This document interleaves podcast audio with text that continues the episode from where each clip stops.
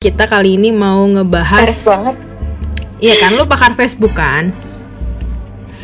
Jadi teman-teman eh, pendengar setia podcast pulang kerja yang jarang diupdate ya. Sekarang gue bersama dengan eh, Terakhir tahun berapa? terakhir eh, pas abis puasa, eh, lagi puasa kayaknya tuh. Pertengahan tahun, main lah ya. Lama banget. Lah. bersama dengan Septi nih ya sekarang sudah hadir di studio podcast pulang kerja.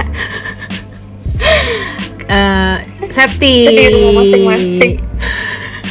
Lo, lo, lo perkenalan diri lo dulu dong. Lo, lo sebagai apa? Influencer atau apa gitu? Saya cuma rakyat biasa, Mbak. Ya kan, pakar Facebook gue bilang tadi. Karena kan lo lo ini ya dulu sempet kayak lama menjabat sebagai eh, apa namanya digital strategis ya siapa ya? ya, ya cukup ngerti lah. Cuman kalau sampai pakar enggak lah. Oke. Saya kalau pakar akun saya nggak dihapus sama Facebook, Mbak. Oke. akun lo akun lo yang mana yang dihapus sama Facebook? Loh, Akun- kamu itu jangan jangan itu aib itu aib. Oke oke oke. Kita nggak usah bahas itu ya. Jadi bahas eh, kerjaan ntar. Iya, lupa lama itu soalnya. Kita kan kita kan mau bahas soal eh, startup nih. Sesuai dengan judulnya, teman-teman udah bisa eh, lihat juga. Ya judulnya kalau kita mau bahas eh, soal drama Korea yang lagi heboh belakangan ini. Mm-mm. Apalagi kalau bukan startup ya. Eh lo dulu deh Sep, lo apa yang lo suka dari drama ini sebenarnya? gue sebenarnya suka karena awalnya nonton bukan karena suka sih. Cuman karena waktu itu tuh memang lagi nyari bahan tontonan. Dan kebetulan eh, gue harus bikin konten tentang film bisnis. Hmm, ketemulah itu bahwa ada ongoing drama namanya startup ya udahlah akhirnya kan kayaknya bagus nih. Nah aku gue pikir biasanya kan gue kalau nonton drama kan emang drama yang udah kelar ya? Hmm, tapi ini ternyata masih ongoing. Hmm, gitu. Jadi kayak sebuah ketidaksengajaan gue mengikuti ini. Hmm. ternyata bukan buat mengikuti tapi ternyata gue mau merangkum itu jadi konten. Ternyata malah situ. Hmm. Tapi itu asal mulanya tapi setelah lo nonton ya, apa yang bikin lo suka sama drama ini gitu? Maksudnya, oh ada hal yang gue suka, ada hal yang gue nggak suka kan? Nah yang lo suka dulu deh apa gitu?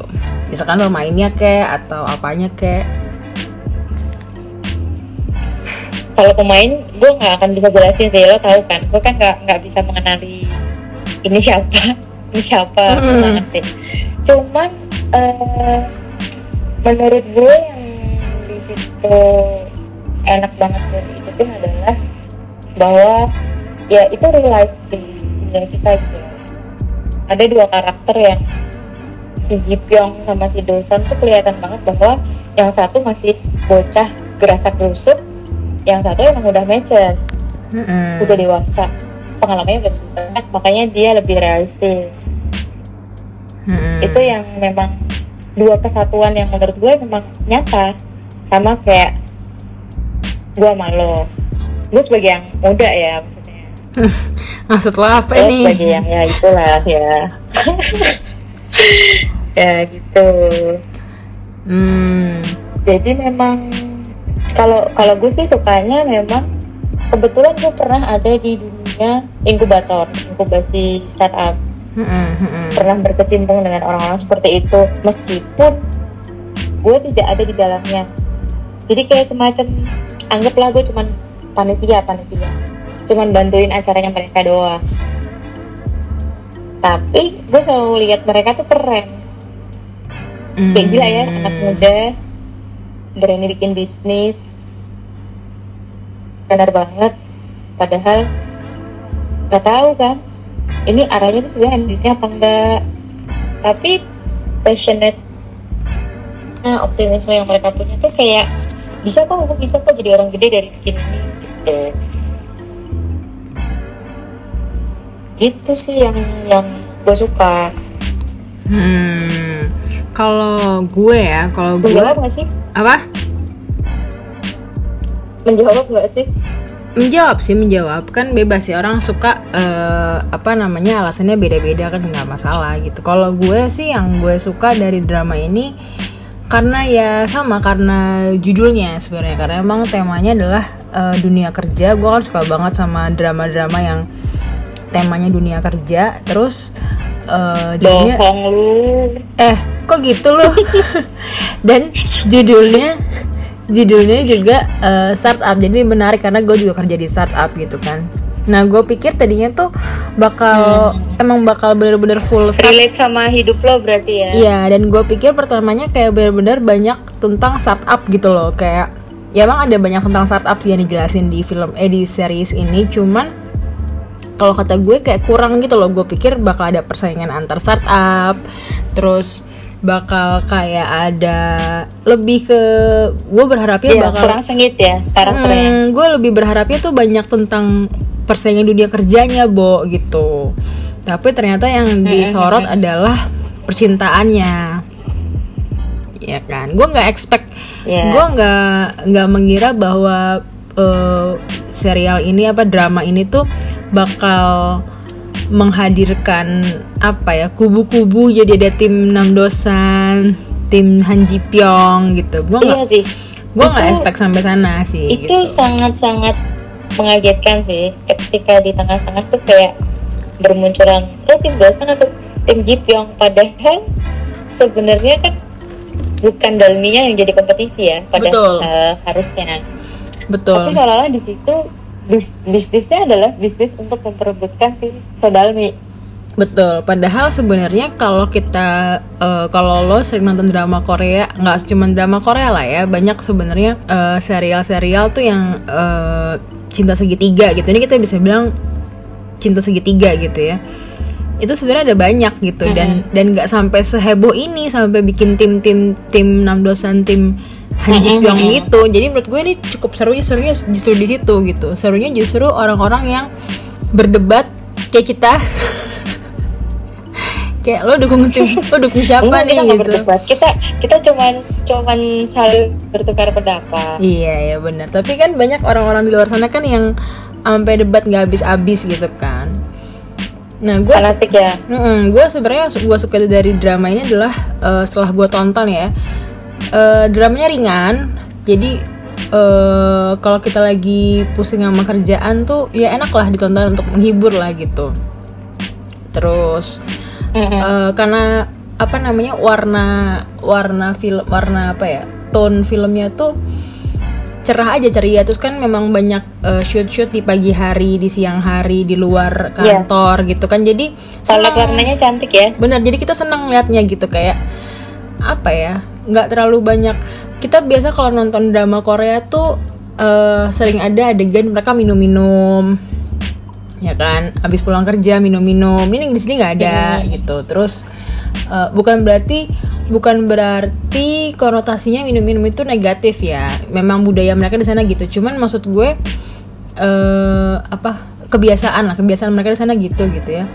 Cuman maksud gue eh apa ya? Karena nggak ada banyak shoot shoot malam hari gitu ya. Jadi menurut gue lebih segar aja gitu nontonnya. Kan banyak kan di kantor terus biasanya pagi atau siang gitu di luar cerah cuacanya banyak pohon-pohon seneng kan ngeliatnya gitu. Gitu itu sih yang bikin gue senang sama drama ini gitu. nah kalau iya hal sih. yang kalau secara palet warnanya emang bagus banget. kalau hal yang lo nggak suka dari drama ini apaan kentang bo terakhirnya. Oh. Karena men- menurut menurut gue sih yang episode 13 14 itu udah kayak klimaksnya gitu loh klimaks ketika si Jipyongnya udah kayak gue suka banget cuman gue nggak bisa ngapa-ngapain. Karena ini kita Hmm. menyoroti karakter ya bukan menyoroti as the whole of the film. Kalau the whole of film kan berarti lebih ke bisnis berarti harusnya IJ masuk. Tapi IJ kan juga nggak terlalu di up kan? Hmm, hmm, hmm, hmm. Indiannya kan IJ agak-agak kelelep kan? Hmm, hmm, dia cuman dia cuman pemantik di awal aja. Padahal mungkin kalau si karakternya Inje keluar lebih juga lumayan bagus. Benar benar. Karena anak-anaknya memang secara karakternya dibuat sangat-sangat dia cewek cerdas terus meskipun dia sempat diadopsi jadi konglomerat tapi itu tidak membuat dia jadi lupa daratan gitu loh. Hmm, cuman pas ending pas endingnya endingnya tuh yang yang menurut bagus ketika pada akhirnya menyadari bahwa oh ini ini tuh yang dirasain bapaknya dulu. Itu menurut gue bagus cuman pas pas tender itu ngapain ada tender? Iya iya Endingnya benar. diliatin. Benar benar benar benar tahu-tahu udah. Dan menurut gue bagian hmm, mm tahu-tahu udah men- udah menang udah scale up. Hmm. terus udah apa, mau rapat udah pemegang gede, saham udah aja ya? gitu loh. Iya terus gue kesel juga yang pas ini sih sebenarnya. Ketika si dosan tiga tahun itu kan Hmm, hmm. gue tuh berharap gue berharap dari sisi penonton ya. Hmm, hmm. dari sisi habit kerja itu gue pengen pengen banget ngelihat eh, pengen banget ngelihat bahwa scene oh ketika lo di Silicon Valley itu akan seperti ini. Yes. Jadi perubahan drastisnya akan seperti ini. Yes. Tapi yang terjadi cuman setelah tiga tahun mereka udah liburan udah balik. Nah tiga tahun itu tiga tahun yang hilang itu tuh sebenarnya mereka ngapain? Apa aja? Terus apa sih yang membedakan di sini sama di sana? Kenapa orang harus serius biar bisa direkrut sama uh, orang-orang Silicon Valley untuk kerja di sana gitu Hmm, hmm, hmm. itu yang ta- tanggung Hmm, nggak hmm. sekalian gitu Hmm, setuju sih menurut gue. gue sih gitu Setuju sih gue. Jadi emang eh secara keseluruhan ya ceritanya emang kentang sih Sab. Maksudnya nggak segerget itu gitu. Kalau kalau kita nonton film-film atau seri-series yang katakanlah gue kemarin baru nonton Itaewon Class ya. Nah, seriesnya itu emang bagus itu emang mengedepankan eh, persaingan di Itaewon, persaingan apa ya namanya? Persaingan mereka buka restoran kayak gimana busuk-busuknya men- menghalalkan menghalalkan banyak cara untuk bisa menang kayak gitu-gitu. Nah, memang ada ya bumbu sampai bangkrut bangkrut berdarah-darah bener. Eh, memang ada bumbu bumbu apa namanya? eh, romansnya lah ya. cintanya Mm-mm, tapi itu bukan mendominasi cerita gitu. Jadi ketika judulnya startup, gue pikir akan ya tentang startup gitu. Tapi ternyata enggak. Ternyata emang eh, dari awal sebenarnya ini mau menceritakan tentang si Nam Dosan dan si Dalmi gitu loh. Di sini Ji Pyong cuman sebagai perantara aja karena ya kalau kita pikir-pikir lagi ya, ngapain coba Ji Pyong nulis surat pakai nama Nam Dosan? Kenapa nggak eh, nulis surat pakai nama dia aja gitu kan? iya dia dia tuh makin ke belakang tuh malah kayak apa sih lu emang dari awal tuh udah nggak niat gitu loh. Jadi kesannya tuh seperti itu. Iya karena Padahal karena kan emang di setting di setting kayak situ gitu kan. iya. Padahal di situ kan gambarannya juga kayak apa ya Jepang tuh sebenarnya pengen cuman dilarang sama neneknya. Tapi kalau gue liatnya Jepangnya udah nggak niat. Tapi dia merasa jealous bahwa ini yang surat-suratan gue nih kenapa lu yang dapat gitu. Karena gue ngerasanya memang dari awal di set kayak gitu gitu loh. Dari dia muda si Ji Pyong nih sebenarnya makanya gue sebenarnya agak kaget ketika si Ji Pyong ini justru jadi love interestnya Dalmi gitu. Ketika dia mengaku bahwa dia suka sama Dalmi. Karena eh, dari awal dari waktu mulai dia ngirim surat tuh gue ngerasanya bahwa ya dia emang di set di set up doang untuk jadi perantara gitu loh Jadi perantara antara dia sama si dosan ini Hmm. gitu kan.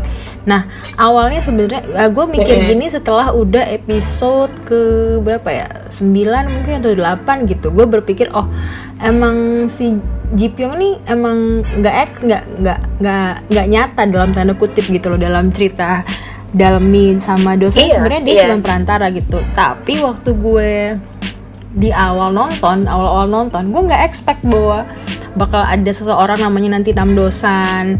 Eh, Namdosan itu si dia akan jadi karakter nyata karakter nyata, dia jadi peran utama, terus nanti jadi love interest. Gue nggak mikir sampai situ, saya gue fokusnya adalah ke Hmm, lo inget gak sih di episode pertama bapaknya tuh mau bikin eh, aplikasi tentang ya restoran eh, restoran ya jadi kita bisa mesen Iya. makan gitu kan lewat aplikasi nah gue tadi fokus ke sana bahwa eh ini aplikasi bakal kayak gimana nantinya terus bapaknya meninggal akhirnya kan Iya. Nah, gue sebenarnya dari awal tuh fokusnya ke situ gitu. Jadi ketika uh, terus si Dalmi datang ke apa namanya ke sandbox waktu itu waktu di awal-awal ya. Kan ada tuh episode episode 2 atau 3 gitu yang di mana si Dalmi datang habis itu dia nanya ke kakaknya, "Nama kamu kan uh, apa namanya?" So Inje apa apa gitu dia bilang kan dia nanya. Terus dia Wo Inje. Nah, terus kakaknya bilang nama saya bukan So Inje nama saya Wo Inje gitu kan. Um, di awal-awal itu dia gue pikir eh ya udah bakal emang konflik di situ gitu. Bakal mereka bersaing untuk bikin eh, apa namanya perusahaan atau aplikasi yang greget lah gitu. Nah ini sendiri aplikasi kakaknya sendiri nggak terlalu tonjolin kan Mm-mm. ya kan kita nggak kita nggak lihat sebenarnya si Inje ini bikin apa sih gitu. Yang tonjolin kan sebenarnya si Iya, aplikasinya si Dalmi doang. Yang mau ngebantu Makanya neneknya. sebenarnya karakternya bagus tapi kurang di up benar benar gitu. Jadi di situ. jadi ya gitu sih gue ngelihatnya. Dan si apa si Ji Pyong sendiri tuh kayak apa ya gue ngerasanya kayak hmm, lo suka sama cewek tapi lo kayak lo tiga tahun lo ngapain aja kayak gitu loh Iya makanya ada ada part yang hilang kan. Mm-mm, mm-mm, gitu kayak tahu-tahu sih sama sama ini sih kalau lo notice di awal waktu si Dalmi sama Inje ke ngikutin bapaknya ke kantornya Mhm. waktu resign itu kan ke Hmm. kantornya Hmm. bapaknya intinya ngebelain temennya yang dipukulin sama bosnya terus malah dibalik dipukulin itu Hmm. sampai digebukin padahal di situ kan kelihatan banget kalau Inje itu adalah karakter yang gue gue nggak gue suka nih bapak gue digini kalau Dalmi kan lebih ke rapuh ya kalau Hmm. Inje kan emang lebih ke nutupin si Dalmi kan lebih Hmm. melindungi adiknya untuk nggak nggak lihat itu kan Mhm. gue mikirnya yang akan ikut bapaknya tuh justru si Inje Hmm. Wah nggak di situ Mhm. gue dari awal tuh dari gue pikir malah si Inje karena si Inje itu kayak realistis bahwa oh ternyata tuh bapakku nggak apa mau bikin startup itu karena emang begini begini begini dia yang lebih realistis kan Mhm. Cuman pada akhirnya justru si Dani yang ternyata sama ini sama bapaknya itu yang gue agak shock di awal tuh gitu kok Hmm. begini dan dan ini ya tidak pernah ada ah, gue nggak tahu apakah gue yang skip di episodenya tapi gue kok kayaknya nggak melihat ada percakapan percakapan antara mereka berdua yang kayak Inje tuh eh deep down inside dia menyesal gitu loh. Dia menyesal sama perbuatannya waktu masih kecil itu karena kan di awal-awal kan eh, persaingannya si Inje bilang kan kalau dia tidak menyesal memilih pilihannya tepat gitu kan meninggalkan eh, Iya. Dalmi sama bapaknya. Sedangkan Dalmi juga membuktikan bahwa eh, bersama dengan bapaknya dia bisa sukses kok gitu kan. Sebenarnya awalnya kan itu. Nah gue nggak menemukan titik tengah di mana titik tengah bo. Ya kan gue nggak menemukan apa namanya obrolan obrolan mereka berdua eh, ketika akhirnya mereka menyadari satu sama lain bahwa pilihan mereka tuh nggak ada yang salah gitu loh ya mereka masih kecil masih muda waktu itu mereka pasti memilih itu atas dasar nggak pikir panjang lah gitu memang ya masih bocah eh, masih kan. bocah gitu loh jadi di situ gue nggak melihat adanya konklusi itu gitu bahwa baik Inje ataupun si Dalmi sebenarnya pilihannya nggak ada yang salah nggak ada yang benar gitu Mm-mm. Gitu. Cuman emang perilaku Inje waktu besar annoying aja gitu ketika dia bilang pilihanku nggak Dari salah kecil. gitu. Dari kecil yang waktu dia bilang waktu ngajak makan si Dalmi terus dia udah oh iya iya iya iya benar. Dari itu. Udah Iya. udah kelihatan di awal. Makanya kan eh, kita expectnya kok jadi begini gitu. Benar, benar, ternyata di tengah-tengah di tengah-tengah malah plot twistnya ternyata dia baru menyadari bahwa oh cepul iki sih dirasain bapak mobil iya benar benar ternyata kayak gini gitu yang dirasain sama bokap gue dulu tuh gini Ya benar. Eh, apa namanya? Kayak ya itulah. Gue melihat bahwa Inja itu berubah karena ya dia masih kecil gitu, masih kecil. Terus ya anak kecil terus tumbuh uh, puber gitu terus mendapatkan fasilitas yang luar biasa gitu kan wajar aja ya. Wajar aja dia uh, jadi OKB menyebalkan ya. ya OKB jadi nyebelin misalkan gitu. Tapi ya ya itu kan masa lalu dia. Cuman maksud gue nggak ada apa ya eh masa kecil dia gitu. Nggak ada obrolan ketika mereka udah dewasa. Ya istilahnya saling memaafkan tuh nggak ada. Ya udah kayak kayak terlewati aja gitu. Kayak mereka tahu-tahu baik-baik aja gitu hubungannya. Menurut gue Iya. itu juga agak jomplang gitu terus Iya. hubungan Jipyong sama Dalmi juga menurut gue kayak nggak pernah ada percakapan yang dalam gitu loh. Kayak em, kenapa akhirnya dia menyadari dia suka sama Dalmi? Terus memang memang memang drama ini tuh apa ya? Drama yang happy happy aja sih sebenarnya. Nggak terlalu iya yang kayak kayak lebih ke drama yang pengen semua kelihatan tapi nggak pengen dikulik dalam. Benar benar jadi menurut gue kayak kurang ada itu tadi percakapan yang dalam antara Dalmi sama Jipyong padahal tiga tahun ya kan? Ngapain aja lu gitu kan?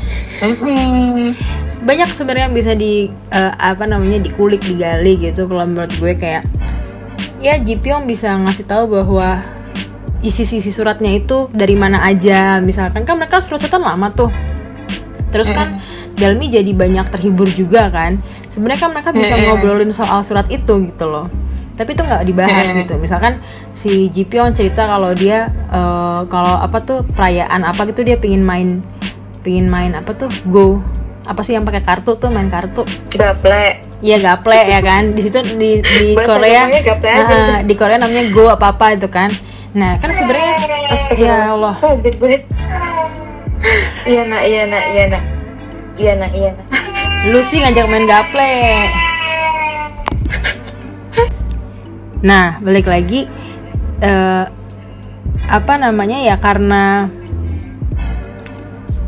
sampai mana tadi? Ya sam- karena tiga tahun itu lama ya harusnya si Jipyong bisa adalah momen-momen di mana dia menghabiskan waktu sama si Dalmi gitu kan. Tapi kan kan lebih kocaknya waktu di lift terus ngaku-ngaku sama si dosan itu loh ya ah lu nggak ngapa-ngapain? Kenapa bisa self overclaiming gitu? Benar. Itu juga gue eh, ngerasanya Jipyong nih melempem juga sih gitu. Iya buat cowok nggak masuk sih kalau gue ya.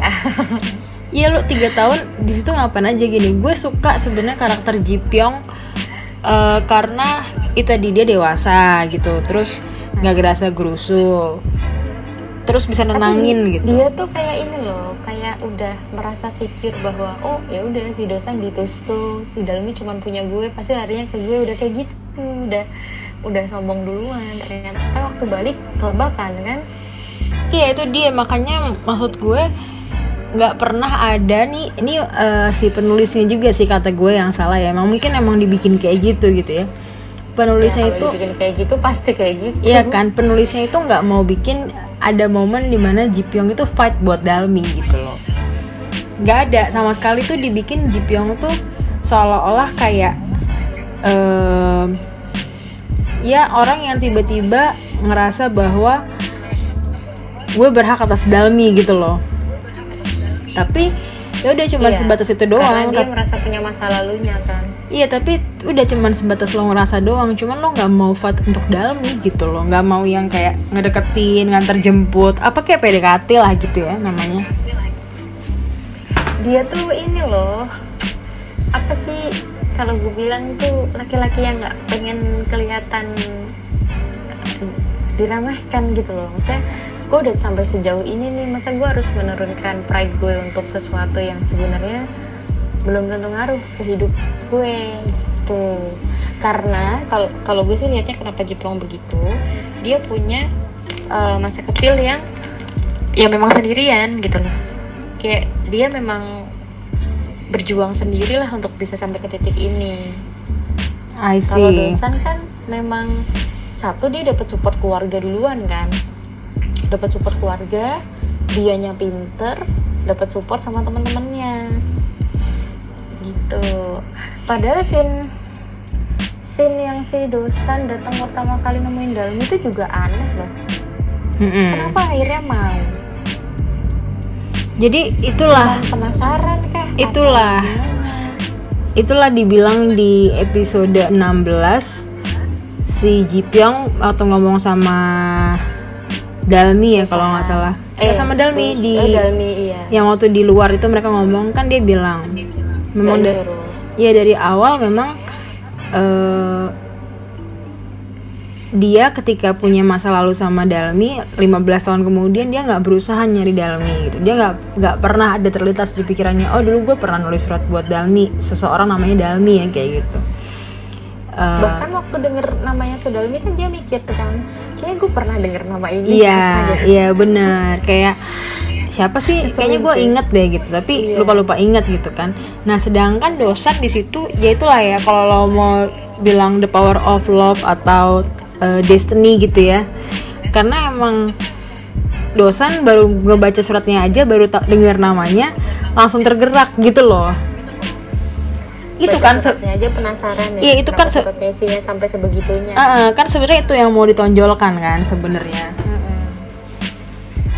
eh, apa namanya mau ngasih tahu kalau ini loh si dosan tuh sebenarnya segitunya sama lu dari awal udah tanpa gue suruh tanpa gue minta dia udah suka sama lo gitu ya karena dosanya juga ya tipikal programmer lah yang emang gak kenal cewek terus sekalinya kenal cewek ceweknya udah expect ke dia bahwa itu memang cinta pertamanya jadi Iya. kayak dia merasa oh ternyata kayak gini ya rasanya punya orang yang Iya. selalu dukung gitu loh ya mungkin kayak jadi dia- sesenang dia itu ya melepaskan itu ya mungkin sesenang itu juga gitu sih si dosan ketemu dalmi Hmm. cuman gue salutnya sama dosan itu dia nggak setengah-setengah hmm. kayak ya udah emang emang gue udah suka sama dia berarti gue akan berusaha untuk oh dia dia begini karena memang begini gue akan berusaha untuk begini kayak gitu loh kalau kalau si Ji Pyong kan lebih ke ya udah gue ngamatin aja yang penting dia baik-baik aja gue nolong dari belakang Hmm. bedanya kan di situ sedangkan eh, tipe dalmi itu mungkin ya lebih suka lebih suka sama yang kelihatan. Ya itu Bo, si Ji Pyong banyak takutnya. Dia kayaknya banyak Ya pertimbangannya. kita, kita tuh jagoin Yongsil aja lah udah bener.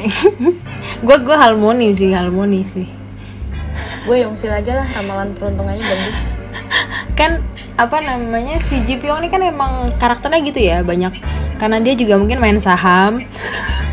Jadi apa namanya banyak pertimbangan banyak analisis dulu gitu. Semua harus dipikirin Iya. dulu gitu kan. Kebawa kan sama inner childnya dia. Ya, dan dia ya itu dia mau ngedapetin dalamnya aja tuh dia pakai gimana ya gue sebenarnya harus harus punya gue harus melangkah maju atau eh gue di sini aja deh yang penting dalamnya di samping gue gue udah nyaman kok kayak gitu loh.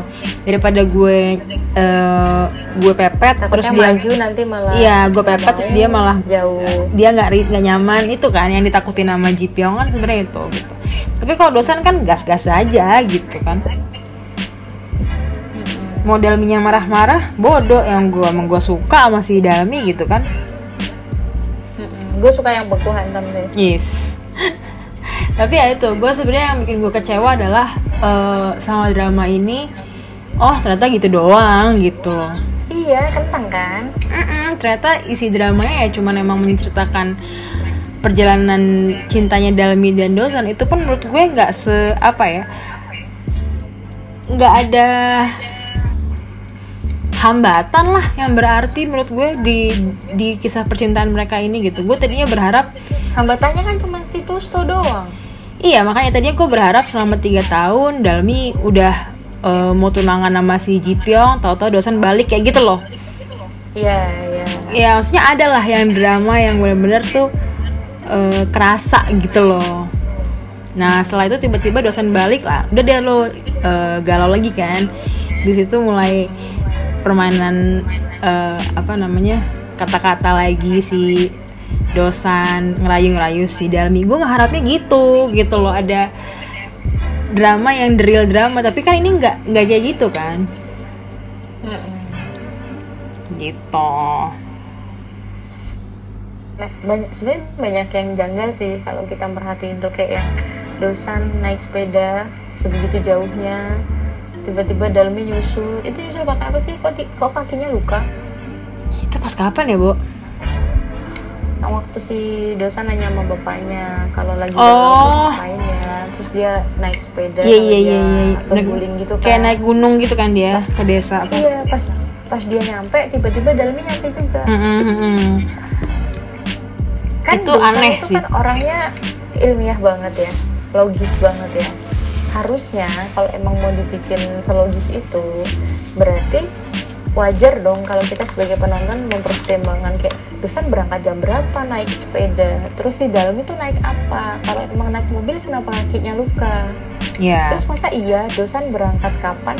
Dalamnya cepet banget nyampe nya itu ya itu kalau ngomongin logika film emang sulit didebat ya Susah.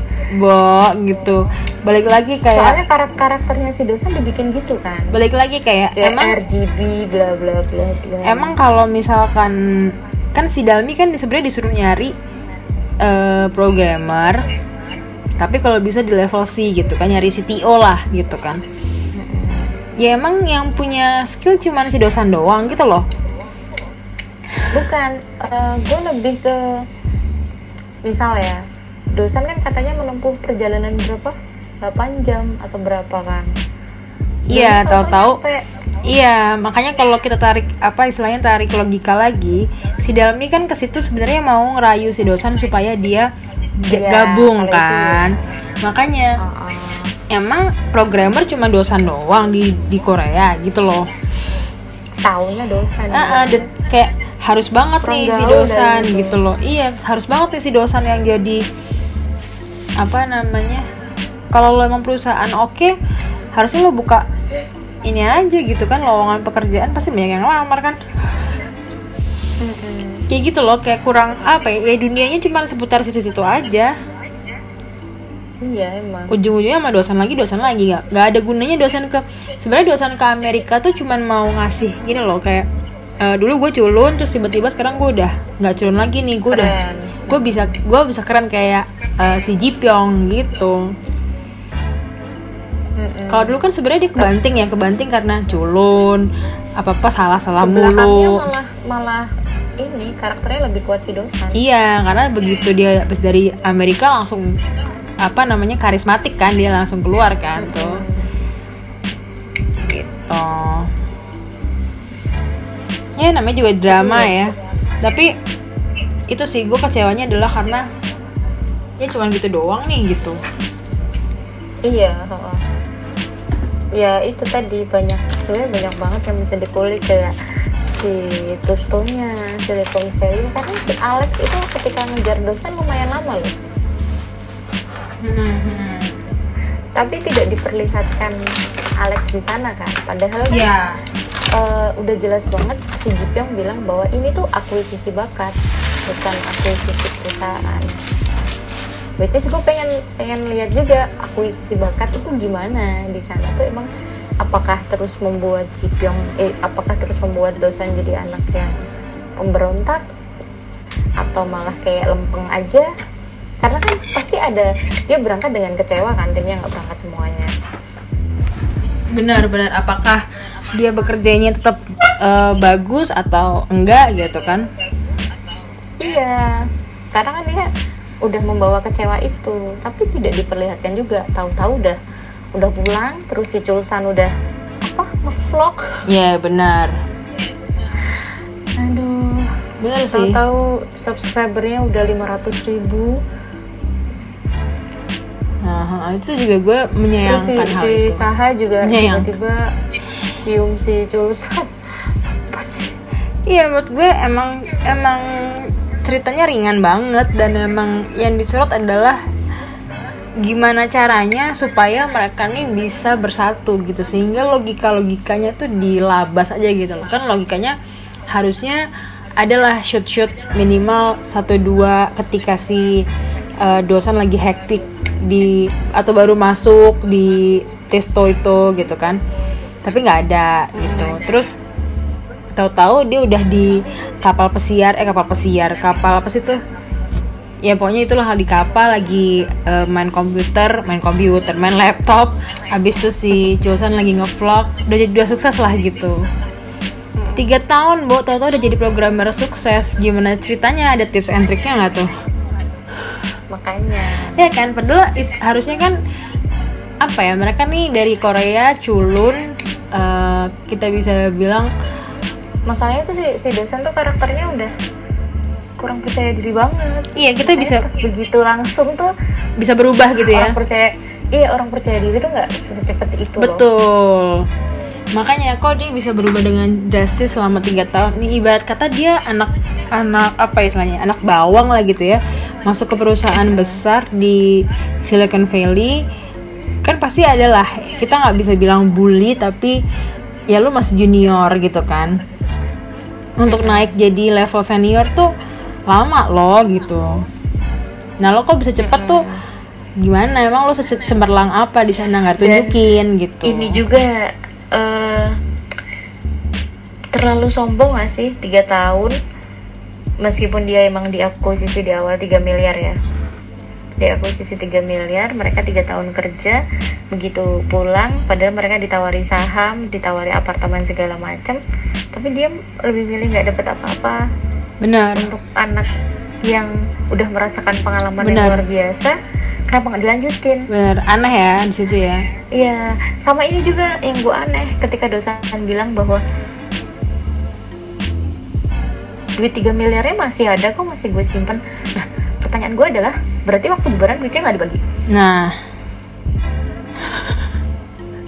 itu juga kan emang logika gimana ya logika logikanya tuh dibabat supaya lu gimana caranya lu bisa sampai ke dalmi gitu lah pokoknya intinya Apanya? logika logika logika berpikir logika ceritanya tuh semua dibabat ya dibabat habis gimana ceritanya pokoknya si dosan ini bisa sama si dalmi kayak gitu Mm-mm, mm-mm. Iya kurang kurang greget ngikutin. Gue aja malah di episode ep- dan gue keselnya ini sih yang yang paling menyebalkan dari mengikuti drama ini adalah spoiler everywhere. ah ya jadi kayak kayak gini lah. Emang tayangnya kan kalau di kita kan malam ya. Hmm. Untuk untuk kita bisa nonton kan berarti kita standby malam atau paginya baru nonton kan. Hmm. Tapi yang terjadi kan kitanya belum kitanya masih besoknya masih belum nonton. Dengan harapan menunggu episodenya kelar sekalian ditonton Senin. Tapi yang ada udah ya udah begini ya udah begini. Jadi kayak gue nontonnya yang terakhir jadi nggak semangat.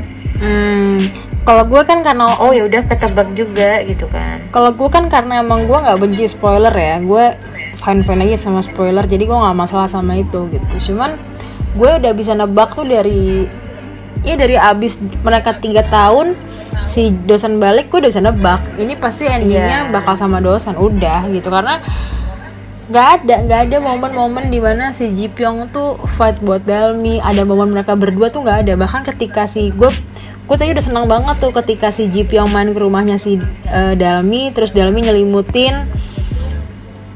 Tapi udah cuma sebatas itu aja gitu. Nggak ada eh, mereka ngobrol dari hati ke hati ngobrolin soal surat-surat mereka dulu. Banyak loh yang bisa dibahas surat-surat mereka itu gitu. Kayak kamu iya nulis. sama ini juga. Hmm. neneknya tuh kalau gue bilang aneh.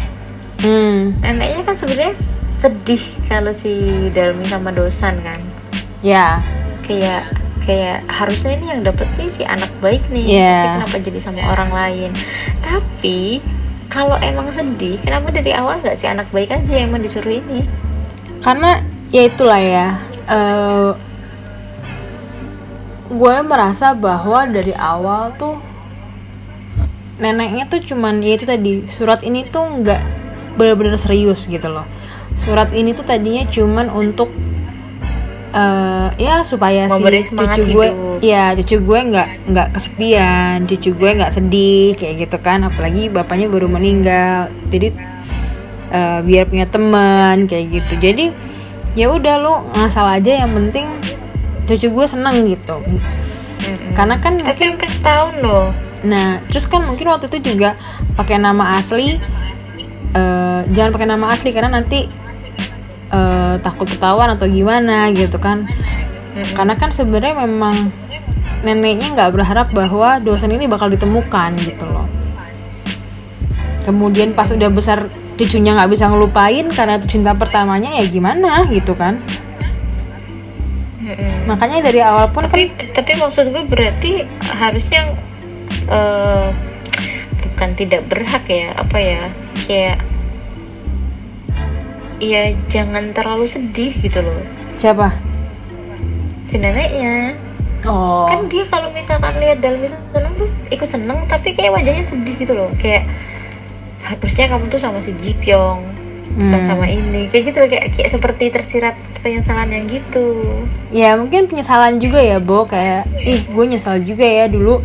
Gue nyuruh si Kenapa bisa pakai nama Heeh. iya pakai nama si pakai nama dosan lagi terus sekarang dia ketemu bener nama orang namanya dosan lagi. Padahal sebenarnya si Jipion padahal cucuku kan anggapannya Jipion cucunya juga ya. Padahal cucuku yang satu ini suka juga sama si Dalmi gitu kan jadi nggak bisa gitu dia kan lebih ke kayak sayang kan. Kayak emang sayangnya tuh emang sayang sama si Ji Pyong. Cuma Iya. akhirnya kayak gelo gitu loh. Iya karena Jipion Aduh, tapi tahu gitu kan sama si anak baik gitu kan. Tapi emang Ji Pyong ini karakter yang eh apa ya gue bisa bilang nggak terlalu manusiawi lah gitu. Kalau dosan nih kita bisa temuin di dunia nyata. Tapi kalau Ji Pyong nih agak-agak ada nggak sih karakter Ji Pyong gitu? Karena gue ngelihat dia nih emang anak baik emang apa ya istilahnya mm, tidak punya tendensi untuk mengalahkan si siapa namanya si dosan gitu. Pengen ngelihat si dalami happy happy aja maksudnya yang penting Mm-mm, lo tuh baik-baik cuman ini kan. Dia cuman pengen hidup baik juga kan? Dan Iya. dia- gue udah udah ngerasain banget nih rasanya susah dulu. Gue nggak pengen orang lain susah kayak gue. Iya. Gitu jadi dia tuh nggak apa ya? Nggak ada dramanya gitu loh dalam hidup dia tuh. Kayak maksudnya di sini ya di, di setelah dia dewasa ini nggak ada drama yang kayak lebay-lebaynya tuh nggak ada gitu loh. Ya udah gue pokoknya eh, apa sih dia direktur ya? Dia direktur dari sebuah perusahaan itu pak. Eh, investor itu. Terus juga punya apartemen mewah gue punya rekor untuk mengembangkan startup itu sampai sekian nggak pernah ada yang gagal. Ya udah gue mau mempertahankan itu semua kesuksesan gue ini gitu. Nggak ada kayak dia gue mau nih jatuh bangun buat dalmi itu nggak ada gitu Mm-mm. lebih ke neneknya kan dia. Ya sedangkan si dosan karena udah merasa ditolong. Kan Mm, sedangkan si dosan kan nunjukin banget kan kayak ya dalam itu adalah mimpi aku kayak gitu. Walaupun dia dari awal mm, apa ya ya bucin-bucinnya tuh adalah si dosan ini gitu kayak manusiawinya dia tuh Ya, ada gitu secara sih. umur memang memang nggak bisa di compare sih. Secara umur dan secara background kecilnya. Ya, itu tadi. Kayak si dosen kan memang hidup di keluarga yang memang sayang sama dia. Secara ini suportif lah support banget. Sedangkan si Jipyong 2 juta aja udah harus tahan hidup. Gimana nih ceritanya? Iya tapi namanya orang karakternya beda. Kalau si kalau si Jipyong udah udah dewasa dari kecil ya dia Tapi- udah dipaksa untuk berpikir ini kalau lo nggak nggak kreatif lo nggak akan bisa hidup. Tapi gue nggak tahu. si dosan karena dia apa? Suara lo kok jauh sih Seth? halo? Halo halo. Ah udah udah udah. Halo? Hmm.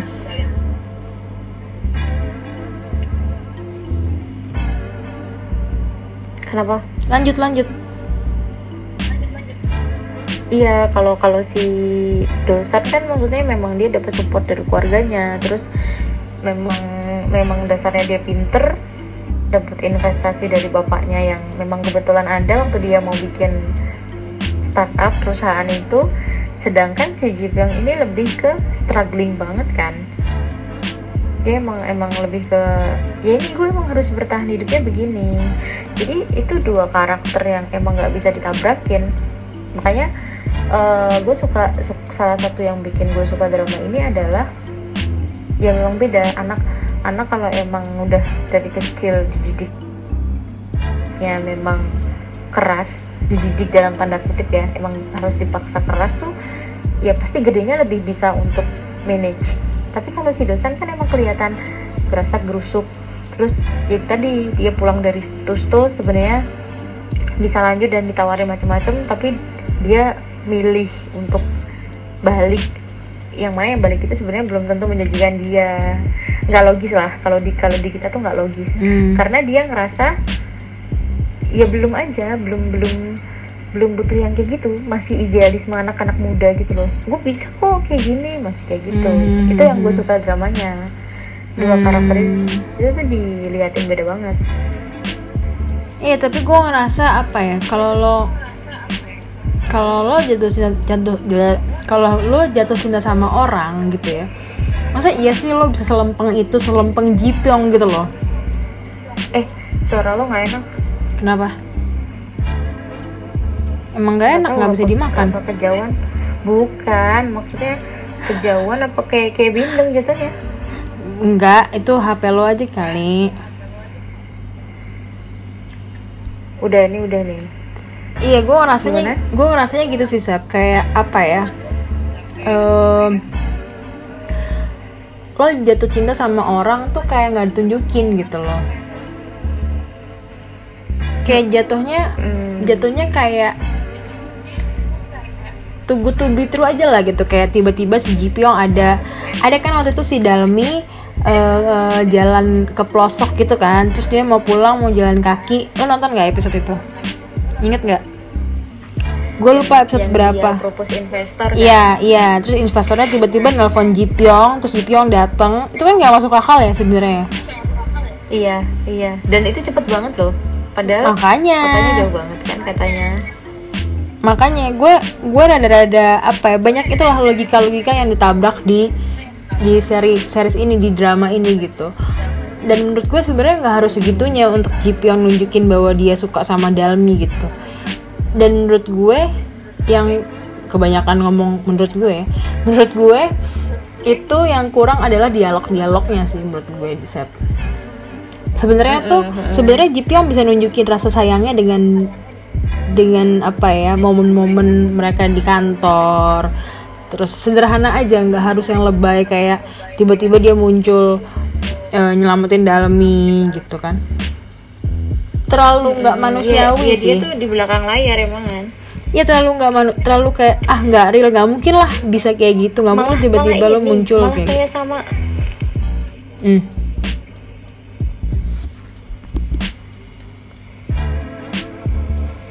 malah kayak ini loh kayak sama adiknya gitu loh. Bener. Eh bangun sayang dia dititipin sama neneknya untuk ngejagain si Dalmi. Terus dia kayak ya emang ini tuh perintah permintaan dari neneknya. Ya gue pengen ngejagain Dalmi tapi tidak untuk lebih. Kan dia awal-awal juga masih denial kan. Gue nggak suka kok sama si Dalmi.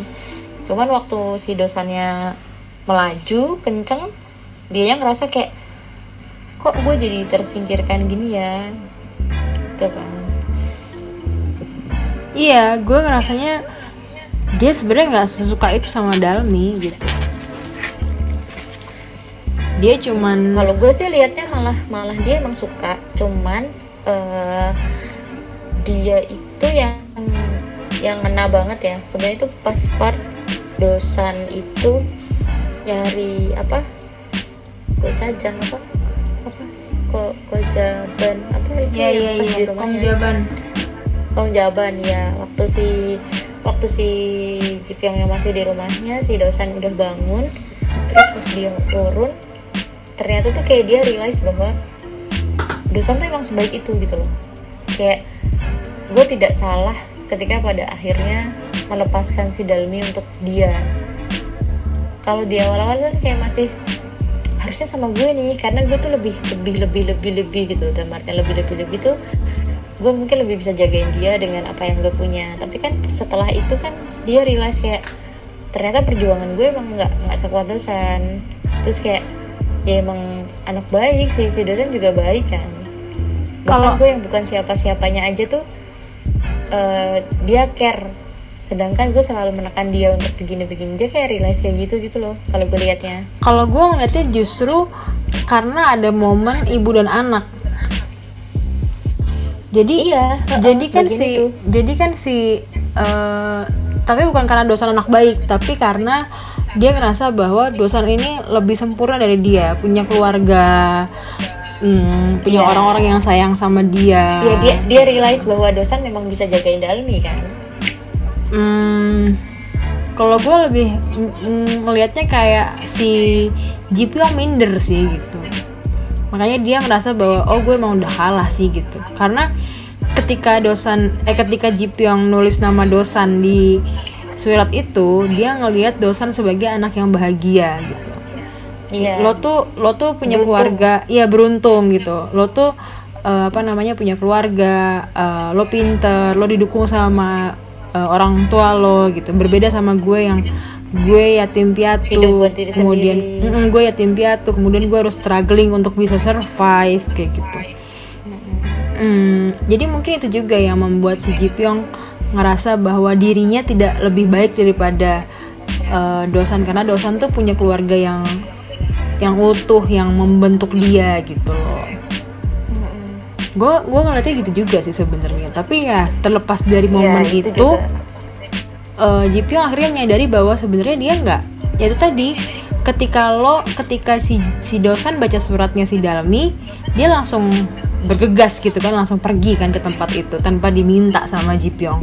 Tapi Ji Pyong yang udah 15 tahun nggak ngerasa apa apa tuh ketika ketemu Dalmi lagi gitu. Bahkan kayak ih ya karena memorinya terlupakan kan? Ya bahkan dia dia udah ini dia sibuk sibuk sama hidupnya gue Iya. ada waktu buat mikir cinta-cintaan Bener. Gua harus hidup Bener, makanya dia tuh nggak secinta itu menurut gue sama Dalmi gitu loh. Dia cuman apa ya tiba-tiba merasa iri aja karena oh kok jadi si dosan sih yang banyak menghabiskan momen sama Dalmi. Sebenarnya kan gue juga berhak nggak sih kayak gitu loh. Mm-mm. Tapi sebenarnya dia nggak sesuka itu sama bukan nggak suka ya, tapi nggak secinta itu sama Dalmi gitu. Mm-mm. Cuman apa ya? Ya orang yang ngerasa tiba-tiba kayak kayak kayak ngerasa punya rasa tanggung jawab sama neneknya aja. Iya, terus kayak ngerasa eh, apa namanya? Orang yang kayak gini loh, kayak misalkan, hmm, lo punya mainan, terus lo udah bosen nih sama gua nggak tahu sini eh, nyambung atau enggak gitu ya analoginya, tapi kayak lo punya mainan, terus eh, lo udah selesai mainin lo nggak mainin lagi terus tiba-tiba ada temen lo yang mainin kok kayaknya asik banget sih mainnya gitu. Kan itu padahal mainan lo gitu. Dan lo tadinya kayak nggak seasik itu deh main sama mainan itu. Tapi kok nih orang bisa asik banget ya? Terus lo jadi penasaran lagi lo jadi pin kayak anak kecil yang mainannya direbut gitu loh. Lo pernah kan ngeliat anak kecil yang kayak eh, dia udah bosan sama mainannya terus tiba-tiba ada orang yang mainin mainannya dia marah gitu kayak itu kan mainan gue Iya, kayak iya, gitu. itu kan punya gue harusnya buat gue gitu kan. Mm-mm, dan lo tiba-tiba datang-datang nyerobot sih. Iya dan lo kok bisa ah, apa eh, bisa asik sama mainan itu gitu kayak ketika lo mainin mainan itu lo udah kayak oh udah gitu udah gitu doang. Lo nggak ngerasa ada nggak ada apa ya nggak ada chemistry sama mainan itu udah lo taruh tuh mainan itu gitu. Terus tiba-tiba ada orang main mainan itu kok jadi seru banget tapi dia kayak kelihatan kok asik banget ya gitu. Terus lo jadi penasaran kenapa? gitu. Gue ngeliatnya Jipyong kayak gitu sih. Iya sih masuk sih. Kayak anak yang mainannya direbut gitu. Sense. Mm-mm. kayak dia cuman nggak rela aja kan Iya, Tapi iya, bukan, iya. bukan yang bukan yang sampai harus mendapatkan gitu kan Hmm, hmm, kayak gitu sih.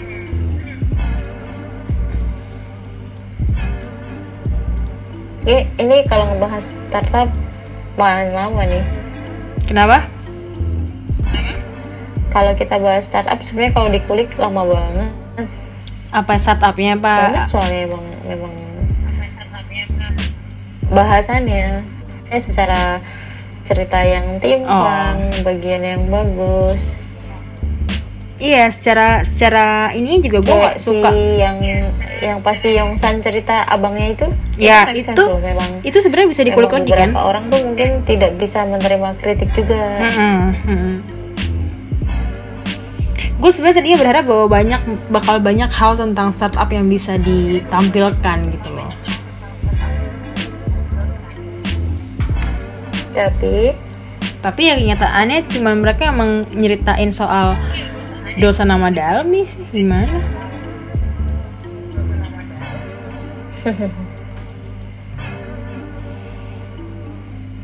Yaudah lu dari lo Hmm, ada closing statement nggak? kayak kurang apa Lo ada closing statement nggak? apa Lo ada closing statement nggak tentang drama ini?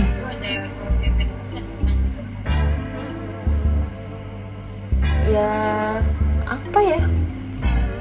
Ya pakai Apa drama ya? yang Ya, pernah memang- lo tonton yang paling drama mengesankan. ini tuh emang menurut gue emang no no lebih ke ya emang ini representasi dunia kita. Dan artian eh ya emang kalau kita memang punya sesuatu terus emang kita mau berusaha di situ kita pasti bisa dapet. Karakternya dosan itu itu banget. Cuman kalau kalau Jeep yang itu lebih ke ya sampai kapan pun utang budi itu kayak nggak nggak akan pernah selesai.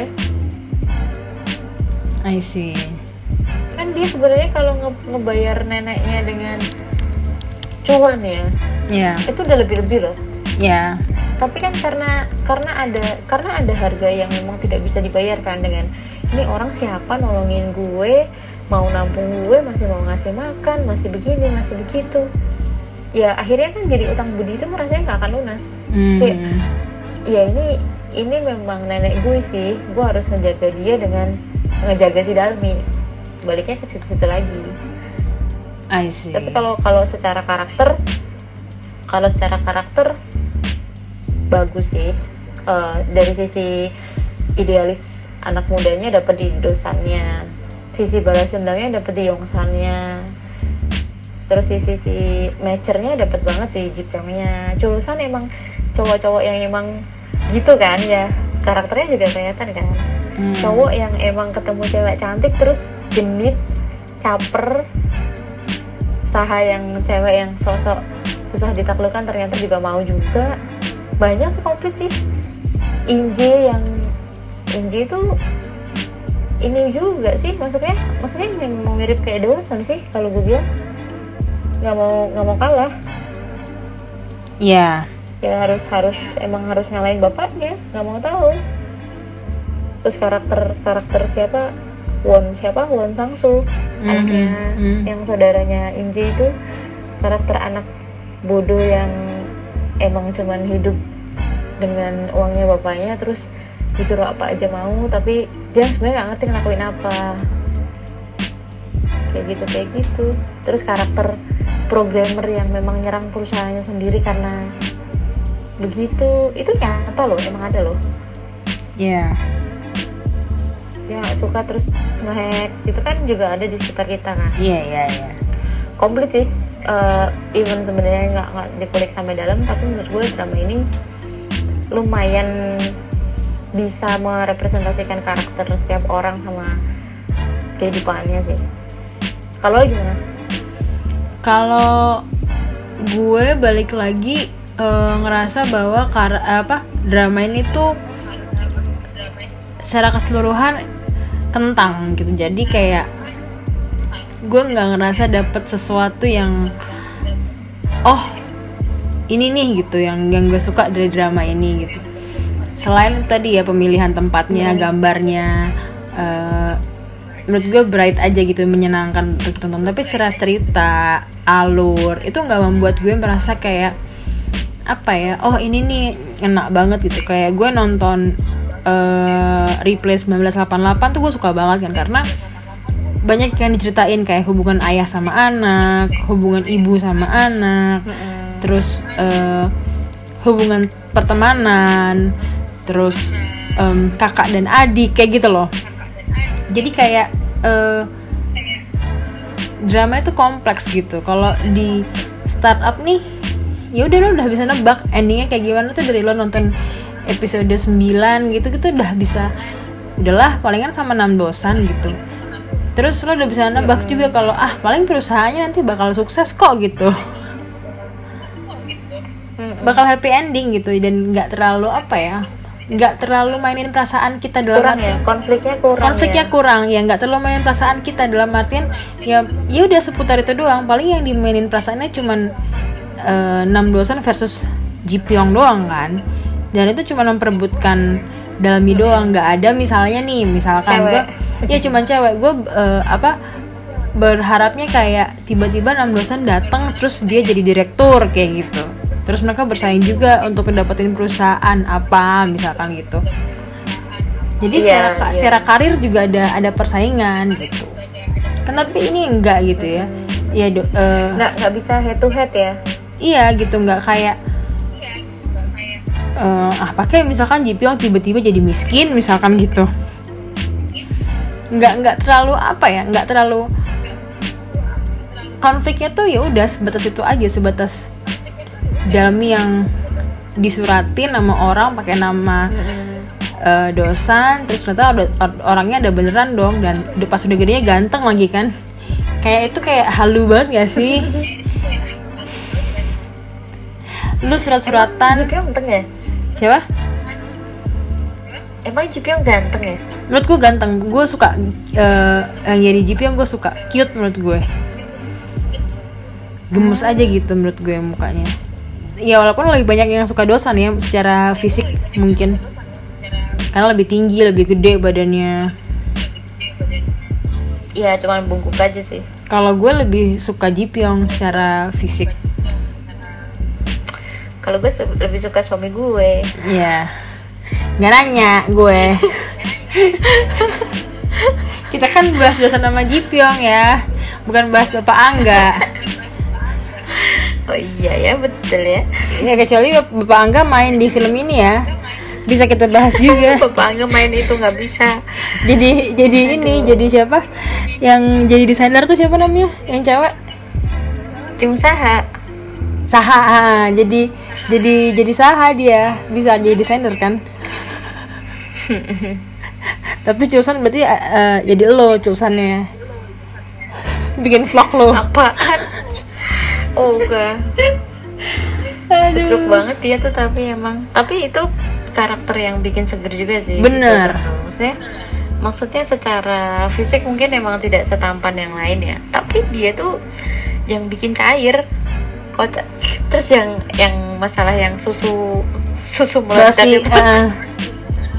Dodol lah ya. bego banget dia tuh kayak ngerasanya ini jangan-jangan nggak boleh diminum karena si dosan masih benci nih sama gue nih ternyata ya Allah Nah. oh sama ini Apa? eh dosan tuh seniat sampai dia tahu neneknya Dalmi mau buta terus dia sampai segitunya bikin si aplikasinya gitu loh padahal kan padahal kan belum siapa siapanya kan Hmm, ya sebenarnya dosen juga baik sih. iya makanya eh, dari awal emang emang gue lebih ke highlightnya mereka ini emang karakternya sama-sama kuat Sama-sama baik gitu ya. idealisnya dosan iya cuman yang satu emang masih muda dan idealis yang satu lebih mature dan realistis Hmm. tapi dua-duanya tuh kayak memang punya kekuatan masing-masing bagus Hmm. dasarnya emang bagus Kalau gue ngelihatnya justru si Chulsan sama si Saha ini lebih manusiawi ya. hmm? Hubungan mereka lebih manusiawi gitu gue ngeliat si Saha sama si Chulsan ini. Sa- Saha sama Chulsan. iya Iya lebih manusiawi ketimbang Dosan sama Dalmi. Gitu. Dalmi. Mm-mm.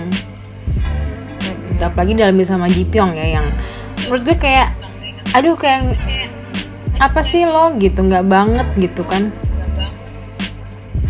Terlalu apa ya terlalu Jipyong tuh terlalu kayak sosok yang sempurna ingin melindungi Dalmi dosan pun kayak gitu gitu.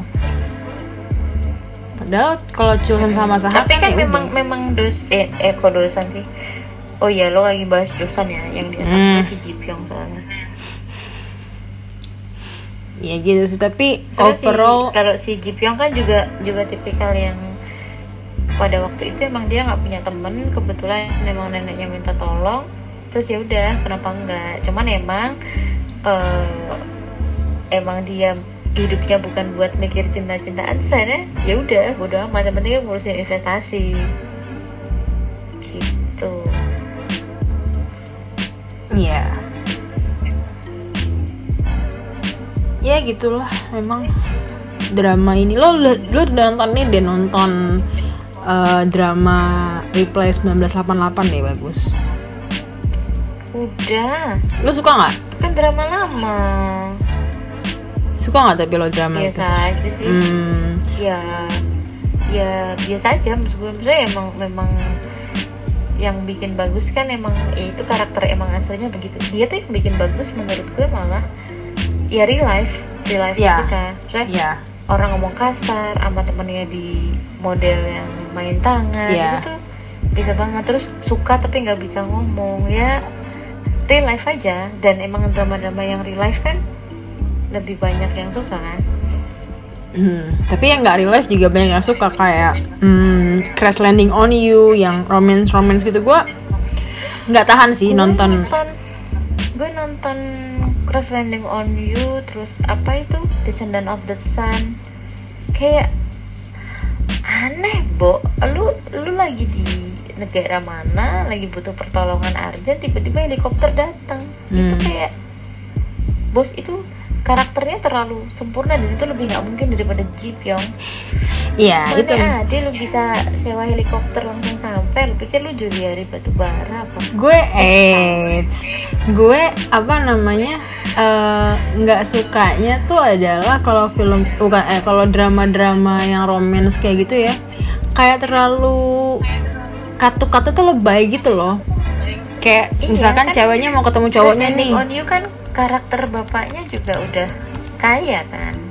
iya iya Karakter makanya bapaknya emang udah emang udah pejabat negara, jadi bisa melindungi ceweknya. Karakter ceweknya juga udah kuat, pengusaha yang sangat sangat sangat sangat kaya raya. Iya. Semuanya punya kekuatan. Bayangin deh, salah satunya orang miskin aja nggak bisa. Itu lebih nggak realistis dramanya. Tapi- Makanya kan eh, ya viralnya cuman gara-gara pemainnya cakep kan. Iya dan emang emang emang ini emang fantasi lah gitu emang apa ya lovey dovey terus happy happy gitu cuman gue nggak Iya. tahannya adalah itu gue nggak tahannya kalau nonton drama yang kayak gitu gue nggak tahan nonton katukatnya bo yang kayak misalkan nih ya eh lihat-lihatan lama. Habis itu ada lagunya kan lagu kayak ini juga gue nggak suka tuh goblin tuh kayak gitu. Mereka tatap tatapan terus ada lagunya back sound gitu lama gitu. Nah gitu gitu tuh gue nggak nggak bisa tuh nonton yang kayak gitu tuh kayak aduh apaan Terus sih? gitu. juga tuh yang yang terakhir kemarin apa sih yang Ho tuh apa? Eh, King. Pemainnya Goblin. Apa? Nah, Eternal Monarch. Iya King Eternal Monarch. Itu menurut gue ya drama itu viral juga gara-gara pemainnya ganteng. ya karena Min karena si Min Ho yang main Iya, secara cerita juga. Dan ini karakter ceweknya kebanting banget ya sih? iya iya lumayan lah Kebanting kan dengan Lee Min Ho yang super shiny kayak gitu. Ceweknya tanda kutip gitu doang. Makanya gue sebenarnya lebih suka drama Korea tuh yang eh apa ya yang realistis aja gitu. Nah makanya gue pikir startup ini tadinya bakal kayak gitu. Lo nonton deh eh, www search. Search? Eh, www triple w search. Itu sebenarnya juga hampir mirip startup. Maksudnya tentang dia tentang startup tentang media. Ah, ah. Itu tentang startup juga.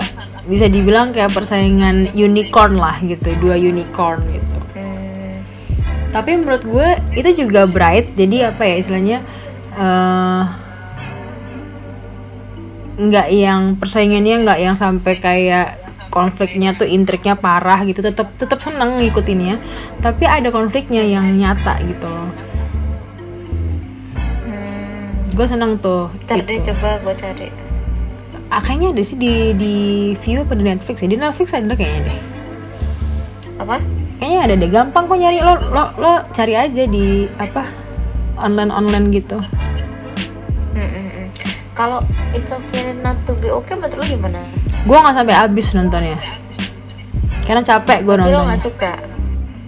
Iya, berarti gue nggak suka. Karena gue nonton tuh sampai episode 3 atau 4 gitu terus gue udah berhenti karena eh ya gue nggak suka dengan apa ya? Ya memang itu kan yang mau ditonjolin kan sebenarnya itu ya apa namanya mental health. Cuman Psikologis. ya psikologis mental health. Cuman gue nggak suka dengan apa ya hubungan cowok sama ceweknya ini menurut gue aneh gitu. Iya sih. Gitu. Tapi ya ya Maksa memang kan ya. itu ya tapi kan memang itu yang mau ditonjolin kan sebenarnya gitu. Sebenarnya kalau yang mental health gue lebih suka it's okay it's okay it's love judulnya. Tapi udah udah Oh, iya, drama lama iya. sih itu. It's okay that's love. It's okay that love. Itu juga. It's okay that's love atau it's okay it's love lah itu namanya. Itu gue itu gue suka karena dua-duanya sebenarnya karakternya punya penyakit Aduh, mental. cakep hmm itu kan juga sebenarnya semua karakternya punya penyakit mental kan? Iya. Tapi apa ya realistis aja gitu. Heeh. gue ngerasanya gitu. Ceweknya juga punya Ceweknya juga trauma tapi ya nggak lebay aja gitu. itu ya seru wajar kayak wajar. Se, se- mungkin kalau kayak kita takut tinggi takut gelap. Iya, gue gue suka eh, drama apa tuh namanya? Merit Merit Life apa? Marriage Story apa sih? Gue lupa lagi. Yang apa? bapaknya selingkuh, yang heboh banget tuh kemarin. Marriage. Oh Story. ini the world of Iya, The World of. Merit. Nah itu, gue suka drama itu karena eh, dia detailnya bagus sih. Detailnya bagus terus mungkin karena udah terlanjur ngikutin dan gemes aja kali ya gitu. Kayak nih endingnya gimana nih si cowoknya nih? Gitu. Tapi gue nggak nggak ngira bahwa si ceweknya si yang diselingkuhin itu apa ya tega loh sama sama sahabat ceweknya. Yang suaminya dipakai cuman buat nunjukin bahwa gue tuh juga bisa emang tapi gue nggak mau aja gitu loh. Kayak what's on your mind? Kamu kamu kan ngerti nih rasanya dikhianati tapi kenapa gini gitu loh? Itu itu yang sumpah sih. Kocak banget.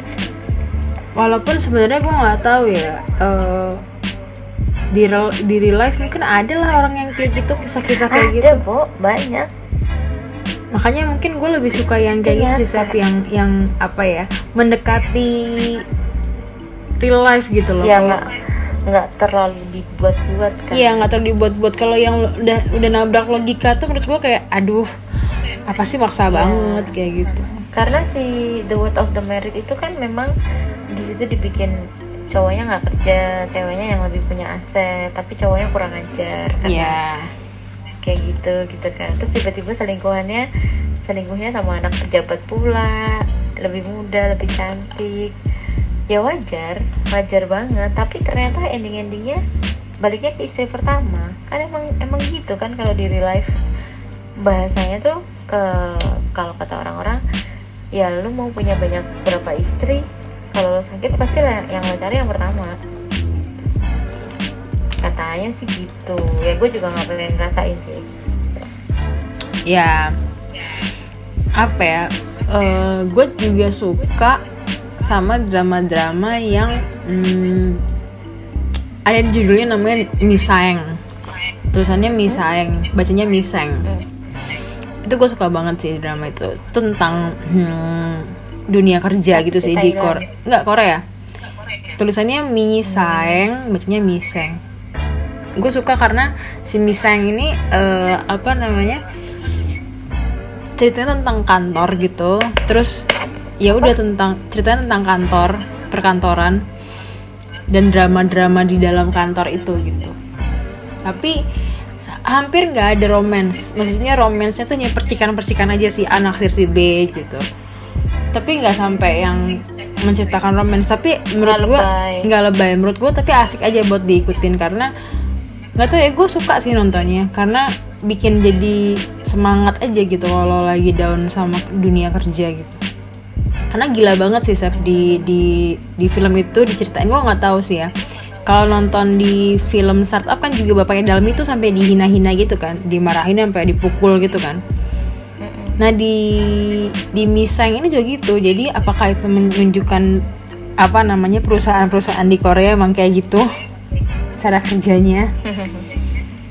Gitu yang sampai kalau dimarahin tuh segitunya gitu. Itu tuh cuma karena drama aja. BTW ada film saya judulnya tuh gue lupa My Name eh apa Eh, I was born in 1992 apa sih gue lupa tuh? Aku lupa. Aduh lupa. Apa tuh? Hmm, film judulnya apa ya? Gue lupa lagi tuh. Film Korea tentang cewek gitu, tentang apa? Tentang eh Oh ini nih Kim Ji Young, born 1982. Hmm. Nonton deh apa itu tentang film sebenarnya diangkat dari novel.